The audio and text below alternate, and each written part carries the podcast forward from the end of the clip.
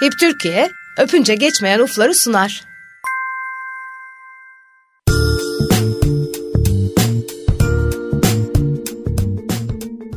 Merhaba ben Deniz Karadeniz. Bir Öpünce Geçmeyen Uflar programında daha buluştuk.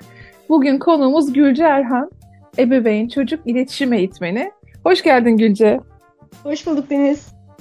Valla seninle her sohbetimiz ufuk açıyor, zihin açıyor. Yine neler öğreneceğim sana çok merak ediyorum. Bugün de yine... ederim. Ben de aynı şekilde seninle konuşurken bir sürü yeni şeyin farkına varıyorum. Çok teşekkür ederim. Bugün yine keyifli bir sohbet olacak seninle. Ben seni tabii tanıyorum. Daha önceden yayınımızı dinleyen ve seni tanıyanlar da olabilir. Birazcık kendinden bahset istersen. Öyle giriş yapalım. Sonra iletişim üzerine sohbet edeceğiz. Tabii. Ee, en başta anneyim. Ee, 9 yaşında bir kızım var. 2016 yılından bu yana ebeveyn çocuk iletişim eğitimi veriyorum. Ebeveyn Ehliyeti isminde. Ee, aynı zamanda grupların yanı sıra da birebir koçluk yapıyorum. Ebeveyn çocuk iletişimi konusunda.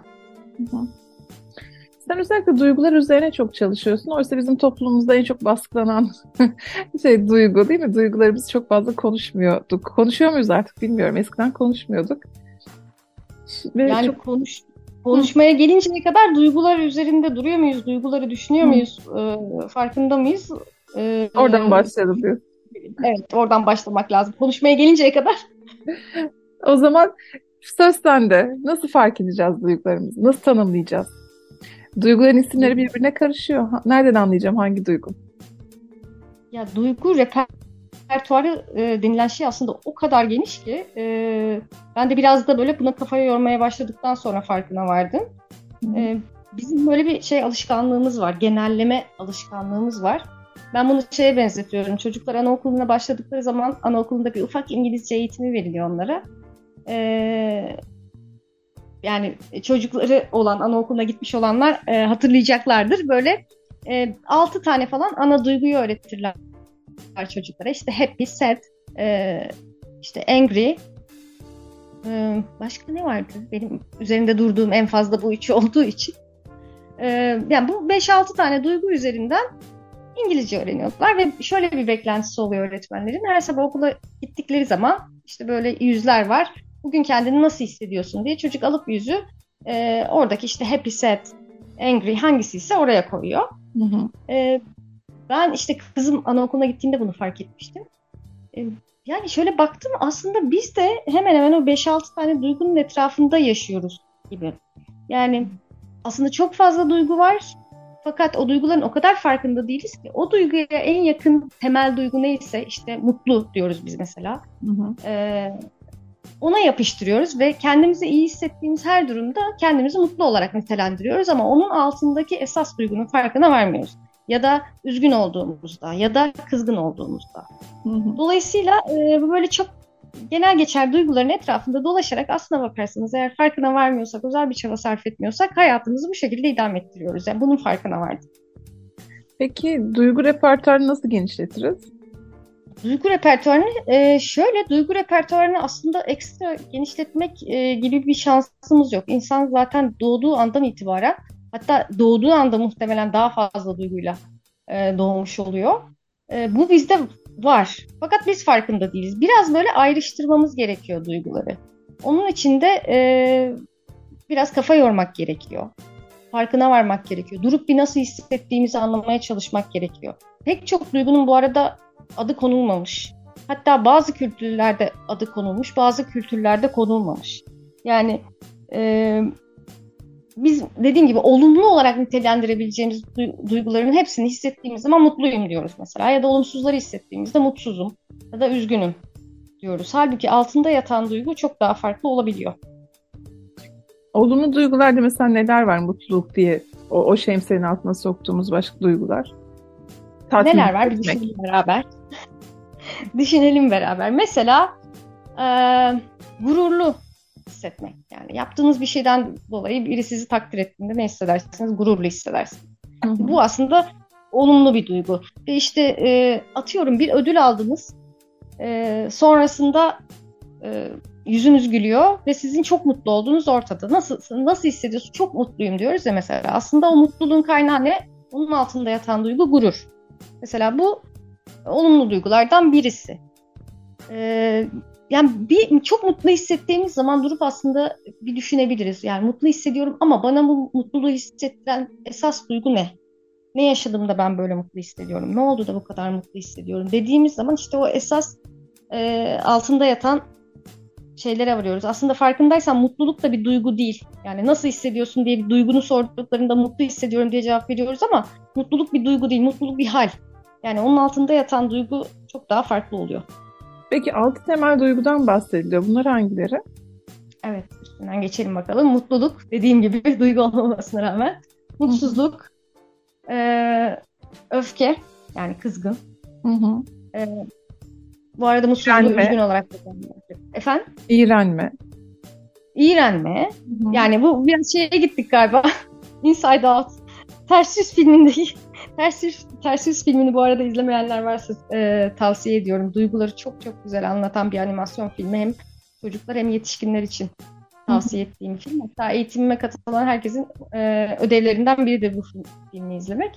Burada her bir duygu e, bir karakterle e, ortaya konmuş. İşte dediğin gibi e, mutluluk, üzüntü, tiksinti, korku, tiksinti, öfke, korku. E, orada zannediyorum beş duygu vardı diye hatırlıyorum. Bunların aslında temel görevi e, kişiyi hayatta tutmak. Hı hı. E, bizde de işte böyle e, ele alınıyor. Bu duygular şöyle, yani şöyle bir bilgi hatırlıyorum. Doğru mudur? biz temelde iki korku, yani korkuda tanımlanmış iki tane korkuyla doğuyoruz ya da doğduğumuzda iki tane korkumuz var tanımlanmış. Bir tanesi ölüm korkusu, bir tanesi de yüksekten düşme korkusu. Sonradan edindiğimiz korkular hep bizim deneyimle yeniden hayatımıza eklediklerimiz. Ee, işte aslında o kadar güzel söylüyorsun ki bu e, kolektif bilinçten gelen bir şey. Aslında yani e, içgüdüsel olarak hissettiğimiz bir şey ama korku mu? Yani bizim gerçekten bahsettiğimiz korku kelimesi buna uygun mu? Şimdi burada başlıyor zaten duygu farkındalığı. Yani korku dediğimiz zaman mesela altında o kadar çok farklı duygu yatıyor ki. Mesela e, ne zaman korkarız? Bir korku filmi izlediğimiz zaman korkabiliriz. Ya da birisi işte karanlıkta çıkıp böyle dediği zaman korkabiliriz. Ya da mesela şöyle bir şey var. Sınava gireceğim zaman başarama, başaramayacağımdan korkuyorum deriz. Mesela e, bunlar aslında çok farklı duygular. Hı hı. E, şeyde de bahsettiğin gibi işte ölüm korkusu ya da işte yüksekten düşme korkusu e, aslında korku kelimesini düşündüğün zaman tam olarak karşılamıyor. O biraz daha e, endişeye ya da kaygıya yakın geliyor bana bu korkulardan bahsettiğin zaman. Sen kaygıyla endişeyi de çok güzel ayırmıştın. Yeniden hatırlatır mısın bize? Biz ikisini aynı anlamda kullanıyoruz ama. Evet kaygı ile endişe de mesela birbirinden farklı e, duygular.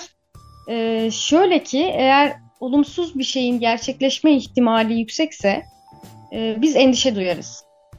Fakat ortada bunun e, gerçekleşme ihtimali çok azsa, neredeyse imkansızsa ve biz yine bunun gerçekleşmesi konusunda e, bir korkumuz tırnak içinde söylüyorum varsa e, buna da kaygı diyoruz. O yüzden mesela kaygı bozukluğu denilen bir rahatsızlık var. Endişe bozukluğu değil, kaygı bozukluğu. Çünkü e, gerçekten hayatta kalmak için endişe duymamız gerekmeyen bir şey hakkında endişe duyuyorsak bu biraz daha sanal bir şey.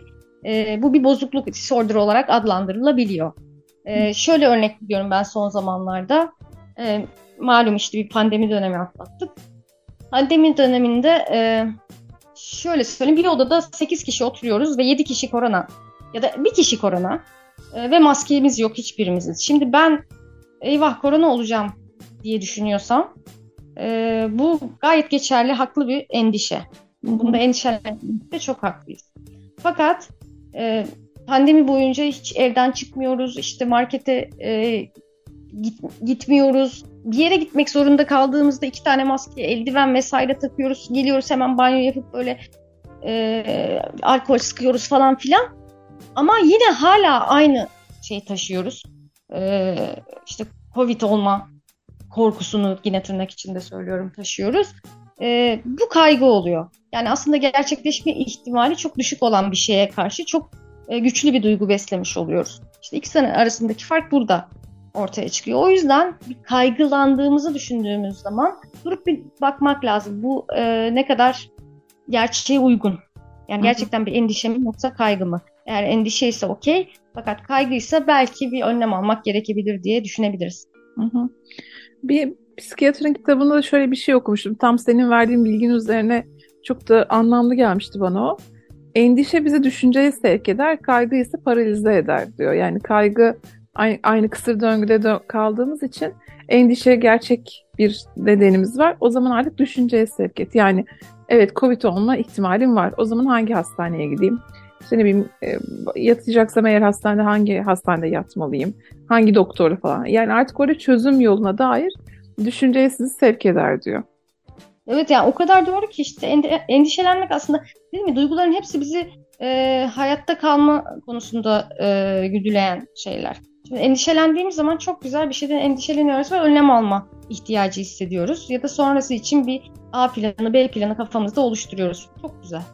E, fakat bunu hiçbir zaman kullanmayacaksak, yani ortada öyle bir ihtimal dahi yoksa oturup buna saatlerce kafa yormak, başka işte bir şeyle uğraşamayacak duruma gelmek dediğin gibi paralize eder hale getirmesi e, sağlıklı bir şey değil. Dolayısıyla kaygıyla endişeyi ayırt edebildiğimiz noktada müdahale etme şansımız da oluyor. E, bir durup düşünmek lazım öyle bir durumda diye öneriyorum herkese.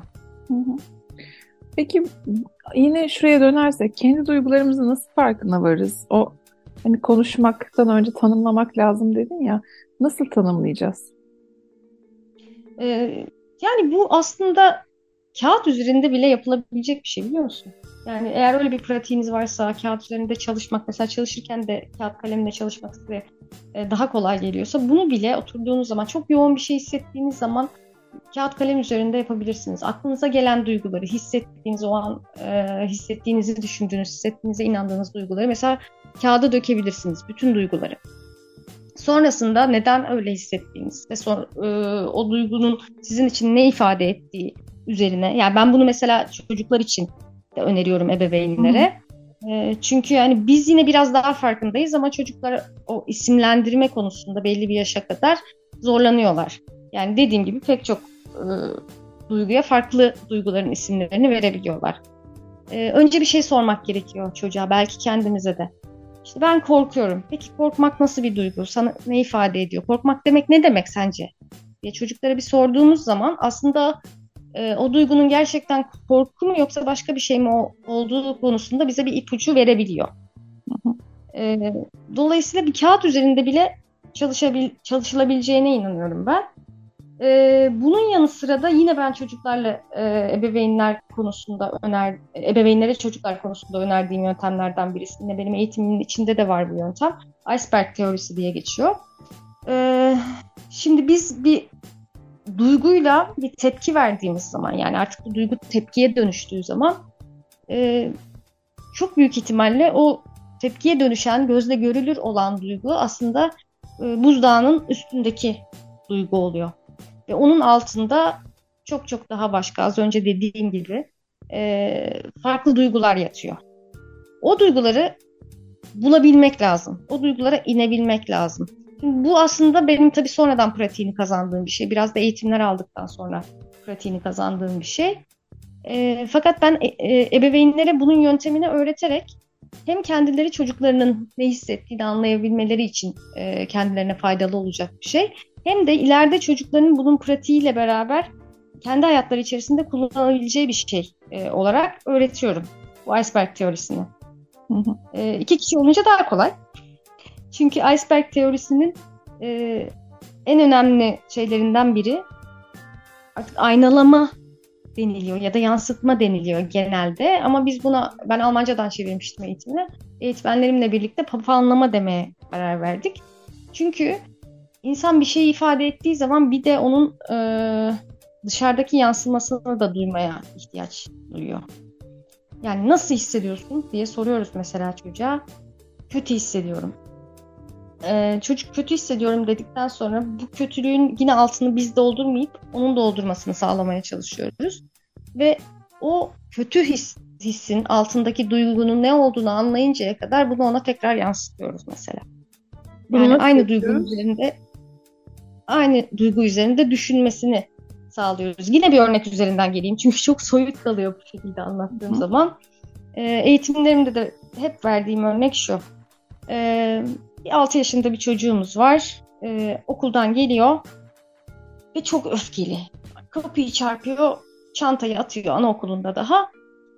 Ve işte diyor ki mesela e, sınıf arkadaşı var hatta en yakın arkadaşı Ali. Ali'yi öldüreceğim. O öyle büyük bir öfkeyle geldi. Hı hı. Şimdi e, çok iyi niyetle e, yapılan en büyük hata burada ebeveynin varsayımları. Yani biz onu çok öfkeli gördüğümüz anda bir varsayımda bulunuyoruz. Çok büyük ihtimalle haklı da olabiliriz. Yani hak, haksızız da diyemem. Ama o varsayımı direkt yansıttığımız zaman çocuğa o çok kızmışsın, o çok öfkelisin dediğimiz zaman çocukta şöyle bir şey oluyor. Yani dedim ya iceberg, e, bu öfke iceberg'in su yüzünde kalan kısmındaki duygu. Halbuki altında başka duygular var. Çocuk o anda karma karışık. Yani belki de 4-5 duyguyu bir arada hissediyor. E, o duygunun ne olduğunu da bilmiyor. Hepsinin tek bir duygu olduğunu zannediyor büyük ihtimalle. Ve biz ona çok kızmışsın, çok öfkelisin dediğimiz zaman çocuk o e, hissettiği bütün duyguları böyle bir harmanlayıp bir top yapıp o topa mesela öfke e, şeyin etiketini yapıştırabiliyor. e, ve Aa, evet çok öfkeliyim. Aa çok kızdım tamam. İşte ne oldu? Böyle böyle yaptı Ali. O yüzden ben de ona çok kızdım. Aa öyle mi işte çeşitli tepkiler var burada ebeveynlerin e, tutumlarında. İşte öyle mi dedi Ali ama annesini arayayım ben hemen vesaire gibi. Konu burada kapandığı zaman aslında temelde yatan başka bir duygu varsa ki çok büyük ihtimalle oluyor. O duygulara ulaşma şansımız kalmıyor. Bizim konunun burada kapanmayıp böyle e, şeyin o buzdağının en dibine inene kadar konuyu biraz deşmemiz gerekiyor. Aslında bizim deşmemizden ziyade çocuğumuzun bunu deşmesi için ona alan açmamız gerekiyor. Fırsat vermemiz gerekiyor. Ee, tekrar örnek üzerinden devam edeyim. Burada mesela ee, açılması için ne tip sorular sormamız gerekiyor? Heh, çok çok güzel bir soru oldu bu. Aslında dedim ya papağanlama dediğim şey. Ya mümkün olduğunca ilk, ilk etapta özellikle o kadar yoğunken duygular soru sormamayı öneriyorum ben.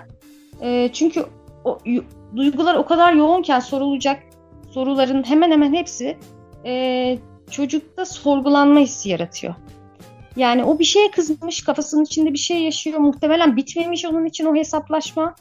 Ve onunla eve gelmiş. Ee, siz ne oldu? İşte böyle böyle oldu. Ali bana şöyle dedi. Ee, işte neden dedi? Sen ne yaptın ona gibi mesela bu tarz sorularla yaklaşırsak zaten direkt çocuk sorgulandığını hissettiği için kendini kapatabiliyor. Hı hı. Ee, dolayısıyla mümkün mertebe soru sormamak gerekiyor. En e, kritik şeyi söyleyeyim ben sana. Böyle bir şey oldu diyelim. Şimdi benim de kızım var. Çok benzer şeyler de yaşadım. O zaman da anladım ki gerçekten çok geçerli bir şeymiş. Ee, şimdi kapıdan öfkeli bir şekilde ya da ağlayarak kızlar daha çok ağlar mesela öfkeli e, görünmezler ama aynı şeyi hissederler. Verilen tepki farklıdır aslında. Genellikle kızlarla erkekler arasında bizim kültürümüzde. Ee, ağlarken gördüğümde işte bir şeye çok üzülmüş ya da bir şeye çok kızmış olduğunu düşünüyorum. Ve tabii ki ona ne olduğunu soruyorum ilk etapta. Ama bu sorunun e, ne nasıl sorulduğu o kadar önemli, önemli ki. Yani ne oldu diye böyle sorgulayarak da sorabilirim. E, merak içinde de sorabilirim. Yani bir anne olarak hmm, kim benim kızımı üzdü bakayım gibi bir duyguyla da sorabilirim.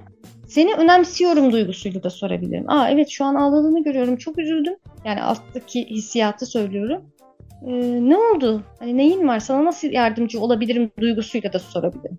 İşte bu duyguyla sorduğum zaman çocuğun bana açılması ya da kendine açılması daha kolay oluyor. Mümkün mertebe elbette ki soracağız ne oldu, e, neyin var diye. Ama sonrasında mümkün mertebe çok fazla merakla kurcalamamak gerekiyor. Onun kendi anlatmasını beklemek gerekiyor. Peki bir örnek daha vereyim demiştin. Abi, ör, örneği anlatıyordum aslında bakarsan. Evet ben ben böldüm. Evet sen, sen anlatırken ben böldüm. yok yok unuttum soruları ben merak... de arada. Şimdi ben de ben de koç olduğum için hemen böyle sorular aklıma geliyor. Hangi soruları sormalıyız tabii. Dediğin de çok kıymetli. Bir de kodlarımızda soru ya o işte üslup soru yani kodlarımızda daha sert yerleşmiş galiba. O yüzden bazen hakikaten sorgular gibi kalıyor. Merak duygusuna değil de sorgulama e, üslubunda kalıyoruz. Ee, yani gerçekten herkesin motivasyonu farklı tabii böyle bir durumda. Yani olabilir mesela sürekli okulda arıza çıkaran bir arkadaş vardır ve e, çocuk eve geldiğinde yine ağlıyorsa çok büyük ihtimaller varsayımla dedim ya çok büyük ihtimalle o çocuk yine bizim oğlumuza bir şey yapmıştır. O enerjiyle yaklaştığın zaman soracağın daha doğrusu e, aynı soruyu bile sorsan soruş şeklin farklı oluyor. Hı hı. Dolayısıyla mümkün mertebe böyle ilk defa soruyoruz. ilk defa oluyormuş gibi ve ilgiyle e, sormak gerekiyor. E, şimdi oğlumuz geldi. Ali'ye çok sinirlenmiş. E, ne oldu dedik. Ali'yi öldüreceğim. İşte neden böyle söylüyorsun dedik mesela. E, benim resmimi yırttı Hı. mesela. Şimdi bu böyle baktığın zaman resmin küçüğüne baktığın zaman burada evet e, Ali onun resmini yırtmış o da ona kızmış. Ne kadar basit bir şey değil mi? E, bunu böyle kapatabiliriz mesela. O da zaten şey diye düşünür çocuk da evet Ali benim resmimi yırttı.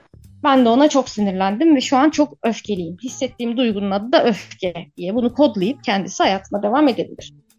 Ama e, bunun eğer ki varsa altında yatan bir şey ki genellikle oluyor dediğim gibi e, bunu bulmak çok kıymetli. Yani o duyguları böyle teker teker birbirinden ayrıştırmak çok önemli. Şimdi okey öfkeli Ali'ye e, öfkeyi ortaya çıkardık onu orada bıraktık. Şimdi tekrar dibe inmeye devam ediyoruz. Ali neden senin resmini yırttı? Yani bu kadar basit ilerlemiyor tabii ki. Papanlama dediğim yöntemi kullanarak e, uzun çabalar sonucu buraya varılabiliyor. E, ama örneğin ben şeyini anlatayım. E, altında yatan şeyi anlatayım. E, çünkü bizim oğlumuz Ali'nin sulu boya yaparlarken bardağını yanlışlıkla devirmiş. Ali'nin resmini e, mahvetmiş. Ali de buna çok sinirlenmiş. Sen benim resmimi mahvettin. Ben de senin resmini yırtarım demiş. Yırtmış. Ama bu arada olan bir şey daha var mesela. O da istemeyerek e, o bardaktaki suyu döktüğü zaman bizim oğlumuz Ali en yakın arkadaşından e, aslında özür dilemiş. Yani üzülmüş, bilerek olmadı demiş. Fakat Ali onun özrünü kabul etmeyip bu davranışı sergilemiş. Burada bambaşka bir duygu ortaya çıktı aslına bakarsan. O da hayal kırıklığı. Çünkü Ali istemeden yaptığı bir şey e, sonucunda arkadaşından özür diliyor. Fakat arkadaşı onun özrünü kabul etmeyip e, sinirleniyor ve işte onun resmini yırtıyor. Şimdi günün sonunda baktığımız zaman Ali resmini yırttığı için bizim çocuğumuzun sinirlenmesi de gayet haklı. Sinirlenmekte gayet haklı çocuğumuz. Ama orada yansıyan, eve girdiğinde o kapıda kapıyı çarpmasını sağlayan duygunun temelinde aslında hayal kırıklığı var. Kendine karşı duyduğu da bir hayal kırıklığı var. Ben nasıl yaptım bunu? istemeden oldu çünkü. Sonrasında da özür diledim. Arkadaşım da bunu kabul etmedi. O da bir hayal kırıklığı. E, onun üzerine öfke. E, pek çok duygu üst üste gelmiş oluyor. Şimdi bunu fark ettiği zaman çocuk bu duyguları birbirinden ayırdığı zaman hayal kırıklığıyla mesela e, öfkenin aynı şey olmadığı, birbirine yol açabileceği ama bunların farklı duygular olduğunun farkına varıyor. Bu farkındalığı çocuk yaşta yaşamaya başladıktan sonra hayatta hani nasıl yapmalıyız bunu dediğin şeyi aslında pratiği kazanmış oluyor insan. Yani oturup evet şimdi ben böyle düşündüm önce de böyle oldu demesine gerek kalmadan zaten hissettiği anda hissettiği duygunun ne olduğunu anlayabiliyor. Şöyle bir örnek veriyorum. Ee, şimdi başta da ebeveyn ehliyeti dedik ya. Benim evet. şimdi de öyle. Almanca'da da öyle aslında. Ee, ama Türkiye'de de ebeveyn ehliyeti olarak kullanmak istedim. Çünkü aslında ben iletişimi trafiğe çok benzetiyorum. Hı hı. Yani trafikteki iletişim e, gerçek hayattaki bizim sözlü iletişimimize çok benziyor. Şöyle ki bir kaza oldu diyelim. Normal şartlar altında kimse kimsenin arabasına vurmak istemez. Hı hı. İki tane araba çalıştı diyelim. Fakat e, kaza olduktan sonra çok büyük oranda bir bakarsınız sanki karşı taraf gelmiş bile bile öbürüne çarpmış gibi ikisi de birbirine bu şekilde yaklaşır. e, yani iki tarafında niyeti kaza yapmak değilken bir kaza oluştuğunda ortaya çıkan sonuç e, hep karşılıklı olarak birbirini suçlama ve öfkedir mesela. Yani öfke duygusuna bu yüzden çok fazla önem veriyorum ben. E, çünkü özellikle bizim toplumumuzda erkeklere baktığımız zaman trafikte diyeyim herkes öfkeli. Yani işte biri önüne geçiyor öfkeli, kaza yapıyor öfkeli, kırmızı da geçiyor öfkeli. Yani baktığınız zaman erkekler öfkeli gibi böyle bir genel kanıya varabilirsiniz. Peki mümkün mü böyle bir şey? Herkes öfkeli olabilir mi gerçekten? Herkesin mi duygusu öfke? Ee, olur da bir fırsat bulur ve bunun e, altına inerseniz, o duyguların altına inerseniz hepsinin öfke olmadığı çok net bir şekilde ortaya çıkıyor. Diyelim ki gerçekten dikkatsizlik eden bir sürücü e, başka bir sürücünün aracına çarptı. Hem suçlu hem güçlü deriz ya. Hı hı. E, güçlü olmasına rağmen üste çıkmaya çalışıyor. Ve bunu öfkeli bir şekilde yapıyor. Dışarıdan bakınca haksız ama sinirli bir adam görüyoruz. Halbuki işte zamanında o bahsettiğimiz hayal kırıklığını e, öfkeden ayıramadığı için yani bunun e, farkındalığına sahip olmadığı için her şey öfke olarak çıkıyor. O anaokulunda gelip de böyle tek bir duyguya yapışmak gibi. Halbuki dikkatsizlik etti, dikkatsizlik ettiğinin de farkında. Yani keşke öyle yapmasaydım diyor ama bu öfke olarak çıkıyor. Çünkü onun e, şeyine e, karşıdaki sinirlendiği zaman ya kusura bakma kardeşim e, diyemiyor çünkü öyle kodlanmamış. Dolayısıyla olumsuz duygular hep geliyor. Öfke erkekler için söylüyorum etrafında e, toplanıyor. Kadınlar için de genellikle üzüntü etrafında toplanıyor. İşte duyguları bir taraftan tanımlayamıyoruz. Bir taraftan da kendimizde de farkında değiliz derken pek çok iletişim kazasına sebep oluyoruz. Bunları nasıl önüne geçeceğiz? Ee, şöyle iletişimi trafiğe benzetiyorum dedim ya. Hı hı. E, baktığın zaman aslında trafikte kullandığın araç arabaysa iletişimde de kullandığın araç değil.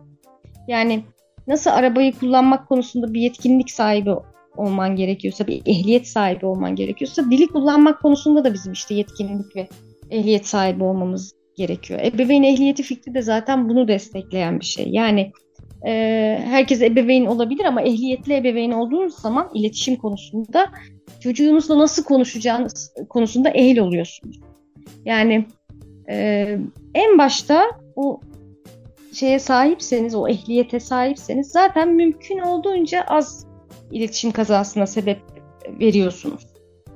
E, ama dediğimiz gibi kaza her zaman her yerde olabiliyor ve sadece sizden kaynaklanmıyor. Karşınızdaki insan e, yani siz ne kadar ehliyet sahibi de olsanız karşınızdaki insan ehliyet sahibi olmayabilir. E, ya da işte e, o an için e, sağlıklı olmayabilir, sağlıklı düşünemiyor olabilir vesaire derken bir kaza oluşuyor. Meydana geliyor. Burada da zaten seninle de e, bundan uzun zaman önce konuştuğumuz e, hatta biraz da fikir annesinin sen olduğun eğitimlerimden biri aklıma geliyor. O da e, ilk yardım eğitimi yani iletişim kazalarında ilk yardım eğitimi dediğim bir eğitimim var. Burada da işte e, böyle bir şey yaşandığı zaman ne yapmak gerekir? E, ya burada bun, bunları zaten konuşuyor oluyoruz. Ne yapmak gerekir? Şimdi sen bana söyle istersen ilk yardım normal fiziksel bir kaza yaşandığında ilk yardım olarak ilk yapmak gereken şey ne? Bir kere sakin olmak. Ortamı evet. sakinleştirmek. Kendin, Peki, kendini ve müdahale olarak hı hı.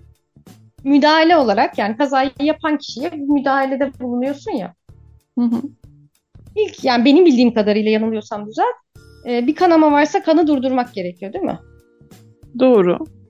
Vücudunda yani hasar var mı?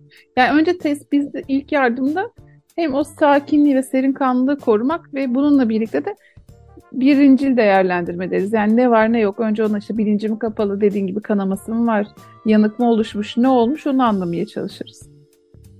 Evet yani bunu e, tespit edebildikten sonra e, diyelim ki işte ben ehliyet sahibiyim. E, karşıdaki insan kazadan e, yara aldı. E, hani ne yapabilirim bu konuda diye baktığım zaman bir kan kaybı varsa orada bir kanama varsa her şeyden önce kanamayı dur, durdurmak gibi e, işte bu benden de kaynaklanmış olabilir ya da herhangi bir başka bir kaza yani iki kişinin kazası akran çatışması mesela örnek veriyorum. Çocuğun bir akranıyla ya da kardeşiyle çatıştığı zaman bir destek vermem gerekiyor ya da biz e, birlikte konuşurken benim söylediğim bir şey sebebiyle gerçekleşti oradaki kaza diyelim. Orada bir müdahalede bulunacağım zaman ilk yapmam gereken şey e, olayın tansiyonunu artmasını engellemek. Hı hı. Ve tansiyonun e, düşmesini sağlamaya çalışmak. Yani ilk önce e, şey yapmadan nasıl diyeyim irite etmeden daha fazla e, olayı böyle şey hali katastrofik bir hale getirmeden bir müdahalede bulunmam gerekiyor. Bunun için de yapabileceğim en önemli şeylerden biri samimiyet göstermek. Yani samimi bir şekilde bir şey söyledim ve bir kazaya sebebiyet verdim. Çok özür dilerim ya istemeden söyledim. Öyle demek istememiştim. İşte bu oradaki e, kan kaybını durduracak olan ilk hareket. Her şeyden önce bunu yapmak gerekiyor. Daha sonra hani tedavi kısmı sonrasına bırakmak gerekiyor. Zaten bu samimiyeti sağlayıp da siz gerçekten birini kırdığınızda dahi samimi bir şekilde ondan özür dilediğinizde belki fiziksel olarak işte sarıldığınız zaman, elini omzuna koyduğunuz zaman ve e, samimiyetle üzüntünüzü dile getirdiğiniz zaman zaten sular duruluyor. şey, e, diyalog için uygun bir ortam oluşuyor. Onu sağlamak çok önemli her şeyden önce. Burada tabii samimiyeti hem resmimizle hem mimiğimizle hem sözcüklerimizle o da anlasaydı demeden değil mi? Tam yansıtarak vermek lazım. Genellikle çünkü öyle kalıyor. Ya o, o beni bilmiyor mu canım? Niyetimi bilmiyor mu? evet yani o, o, o işte aslında samimiyet olmuyor. Orada yine bir kalkan oluyor. Yani o kalkanların hiç olmadığı e, pek de e, kolay olmayan bir şeyden bahsediyorum aslında bakarsan. Yani çok kolay ama bir o kadar da zor bir şeyden bahsediyorum. Çünkü o gibi durumlarda ister istemez insanlar savunmaya geçip e, sebebiyet verdiğini dahi kabul etmeme eğiliminde oluyorlar. Çünkü bu onlara yine bir duygudan bahsedecek olursak e, ağır geliyor. Yani ona sebebiyet vermiş olmaktan dolayı kendilerini suçluyorlar. Ve o suçluluk hissi ağır geldiği için kendilerini suçlamamak için direkt savunan e, pozisyona geçebiliyorlar. Peki iletişim kazalarına sebep olan en çok tutum, davranış, düşünce, duygu hangisidir? Ee, yani örnek üzerinden örnek. gideyim diye düşünüyorum. Örnekse hmm. yerli yerli eleştirmek. İşte ön yargılı davranmak, varsaymak, ne bileyim. Sıklıkla... Ya evet yani şöyle söyleyeyim istersen. Yine benim eğitimin parçası. E, iletişim bariyerleri diye geçer bizde. O da e, gayet güzel iletişim kurabilecekken bir şekilde o iletişimin e, kurulamamasına sebep olan bir takım tutumlar var. E, bunlardan biri suçlamak tabii ki karşı tarafı, e, kınamak. Yani nasıl, hangi durumda ona da bir örnek vereyim de. E, yine ebeveyn çocuk ilişkisi üzerinden bir örnek vereyim. E, çocuğunuz e, istemediğiniz bir şey yaptı diyelim e, zaten sen hep böyle yapıyorsun gibi genelleme mesela. Yine burada suçlama da var. E, karşılaştırma var mesela bak görüyor musun abin hiç böyle şeyler yapmıyordu. Hı hı. E, yani bunların hepsi kırıcı olan ve karşı tarafın e, sizinle olan iletişimde bir bariyer koymasına sebep olan davranışlar. Olumsuz eleştiri. Yani hiç olumsuz eleştirmeyecek miyiz? Tabii ki eleştireceğiz ama o kriz anında değil. E, ve eğer ki olumsuz bir eleştirimiz varsa mümkün mertebe herhangi bir zamanda o olumsuz eleştiri öncesi mutlaka olumlu bir şeyden dem sonrasında eleştiri dile getirmemiz gerekiyor. E, yani her durumda karşı tarafla yani aslına bakarsan her an iletişimde e, karşındaki insanla iletişimini iyileştirme ya da kötüleştirme adına e, tek bir sözcük ya da tek bir mimik e, kullanmak yeterli olabiliyor. O yüzden niyet çok önemli genel anlamda. Yani ben bu insanla e, şey söylüyorum ben hep bunu çok kullanıyorum. E, bağcıyı mı dövmek istiyorum, üzüm mü yemek istiyorum? Buna karar vermek lazım. Yani karşıdaki insanla bir tartışmaya girdiysek, bir kriz yaşıyorsak burada her şeyden önce e, ben bir olumlu bir sonuca mı varmak istiyorum? Aramız e, düzelsin mi istiyorum yoksa şu an çok kızgınım ve onun da bunun bedelini ödemesini is- istiyorum diye mi düşünüyoruz? Ki ikisi de gayet insani e, düşünceler. Buna karar verdikten sonra hareket etmek lazım. Sorun şurada başlıyor. Ben üzüm yemek istiyorum. Ha, o zaman Bağcı'yı dövmeyeceğiz. Yani karşı tarafı suçlar bir şekilde konuşmayacağız. Ee, biraz alttan alabiliriz. Belki o karşıdakinin tansiyonuna bağlı. Ee, ama eğer çok kırıldıysanız, çok üzüldüyseniz ve karşınızdaki insanı alttan alamayacak durumdaysanız o zaman zaten şeyde samimi olmuyor. Hani şiddetsiz iletişim yöntemleriyle yaklaşmak çok da samimi olmuyor.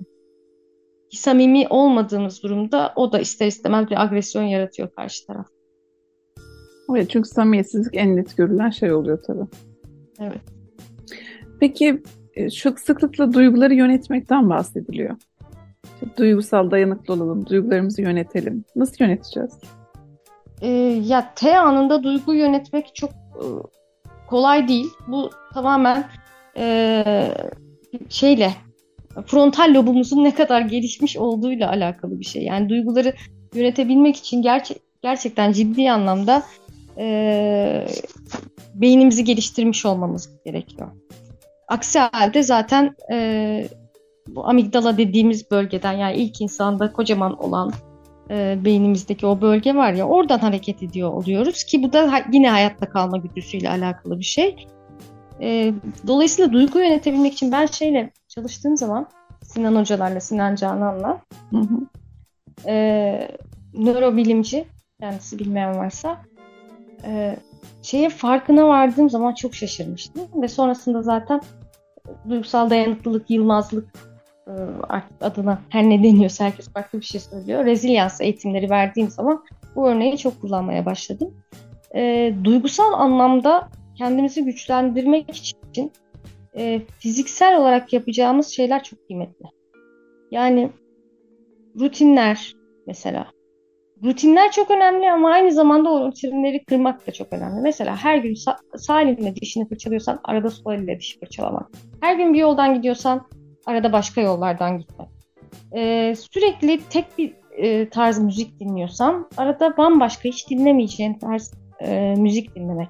Bunların hepsi işte o frontal lob dediğim e, beyni büyüten şeyler. E, bu da zaten e, esneklik kapasitemizi arttırıyor.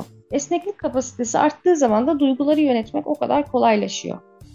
O yüzden mümkün olduğunca hayatımız boyunca o esnekliği arttıracak şekilde e, hareket etmek gerekiyor. Bunların başında da dediğim gibi spor yapmak da buna dahil. E, mesela piyano çalmak buna dahil e, aklınıza gelebilecek, kafanızı çalıştıracak, kafanızı farklı şekillerde çalıştıracak her şey sizin duygusal anlamda dayanıklılığınızı arttırıyor. Onun dışında e, zaten rezilyans bambaşka bir konu, uzun da bir konu. Onunla ilgili ee, aslında daha önce konuşmuştuk. Yayınımızı Spotify'dan dinleyebilirler. Çok da verimli bir konuşma olmuştu birlikte. Hatta senin şu metaforu hiç unutmuyorum. Bütün duygular yaşanır, hayatta her şey var. Ama lastik top gibi olmak lazım bir yere çarptığımız zaman yola devam edebilmek lazım. Orada kalmamak demiştim. Aynen öyle. Yani burada da işte e, bakış açısı mı diyeyim, zihin yapısı mı diyeyim, mindset e, dediğimiz şey e, onu değiştirmek gerekiyor. Yani aslında aynı şeyi hangi pencereden baktığınla alakalı. E, o pencereyi değiştirebilmek, farklı pencerelerden bakabiliyor olmak e, çok önemli duyguları yönetebilmek için. Çünkü her zaman hep aynı pencereden aynı duyguya baktığınız zaman o yönetilebilir olmuyor. Hı hı. Halbuki her açıdan e, bir duyguya baktığınız zaman onu artık keşfetmiş olduğunuz zaman en azından nasıl yönetebileceğiniz hakkında bir fikriniz oluyor. Evet. Aslında güzel bir şey söyledin az önce Sinan hocalardan da alıntılayarak. Yani hep aynı aynı çizgide yürümeyelim. Çizginin bazen sağına soluna taşalım. Başka yolları da deneyelim ki hayatta daha güçlenelim. Kesinlikle. Yani e, mümkün olduğunca da çok yapmak gerekiyor bunu. Hani bazen de şeyin dışına çıkalım değil de mümkün olduğu kadar çeşitlendirmek, o beyindeki e, bağları mümkün olduğu kadar çok çeşitlendirmek gerekiyor. E, duyguları yönetebilmek için. Yoksa bir duygu geldiğinde T anında onu hadi yöneteyim dediğiniz zaman çok mümkün olmuyor. Bunu şeyden bilirsin. E, öfkeden. Mesela iş yerinde biriyle tartışıyorsun ama öyle de kötü tartışıyorsun ama kuyruğu da dik tutman gerekiyor. Böyle bir dudak seyirir mesela.